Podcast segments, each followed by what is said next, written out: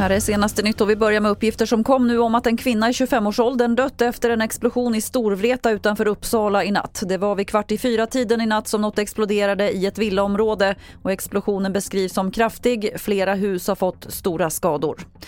En man har skjutits till döds i Jordbro söder om Stockholm i natt. Per Falström på polisen Region Stockholm.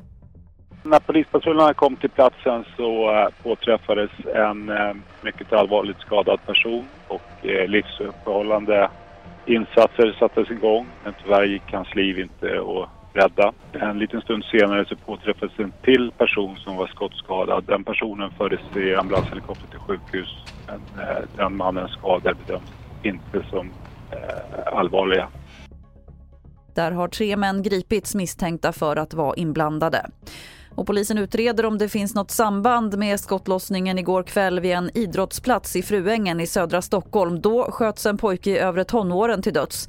Här är ingen misstänkt gripen och polisen söker efter en grå Toyota som sätts i samband med mordet. Per Falström igen. Om man ser bilen då, då är det jätteviktigt att man eh, kontaktar polisen så vi får kännedom om var den finns. Och fler nyheter det hittar du på tv4.se. Jag heter Lotta Wall.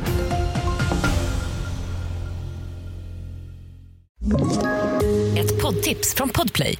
I podden Något Kaiko garanterar östgötarna Brutti och jag, Davva, dig en stor dos skratt. Där följer jag pladask för köttätandet igen. Man är lite som en jävla vampyr. Man har fått lite blodsmak och då måste man ha mer. Udda spaningar, fängslande anekdoter och en och annan arg rant.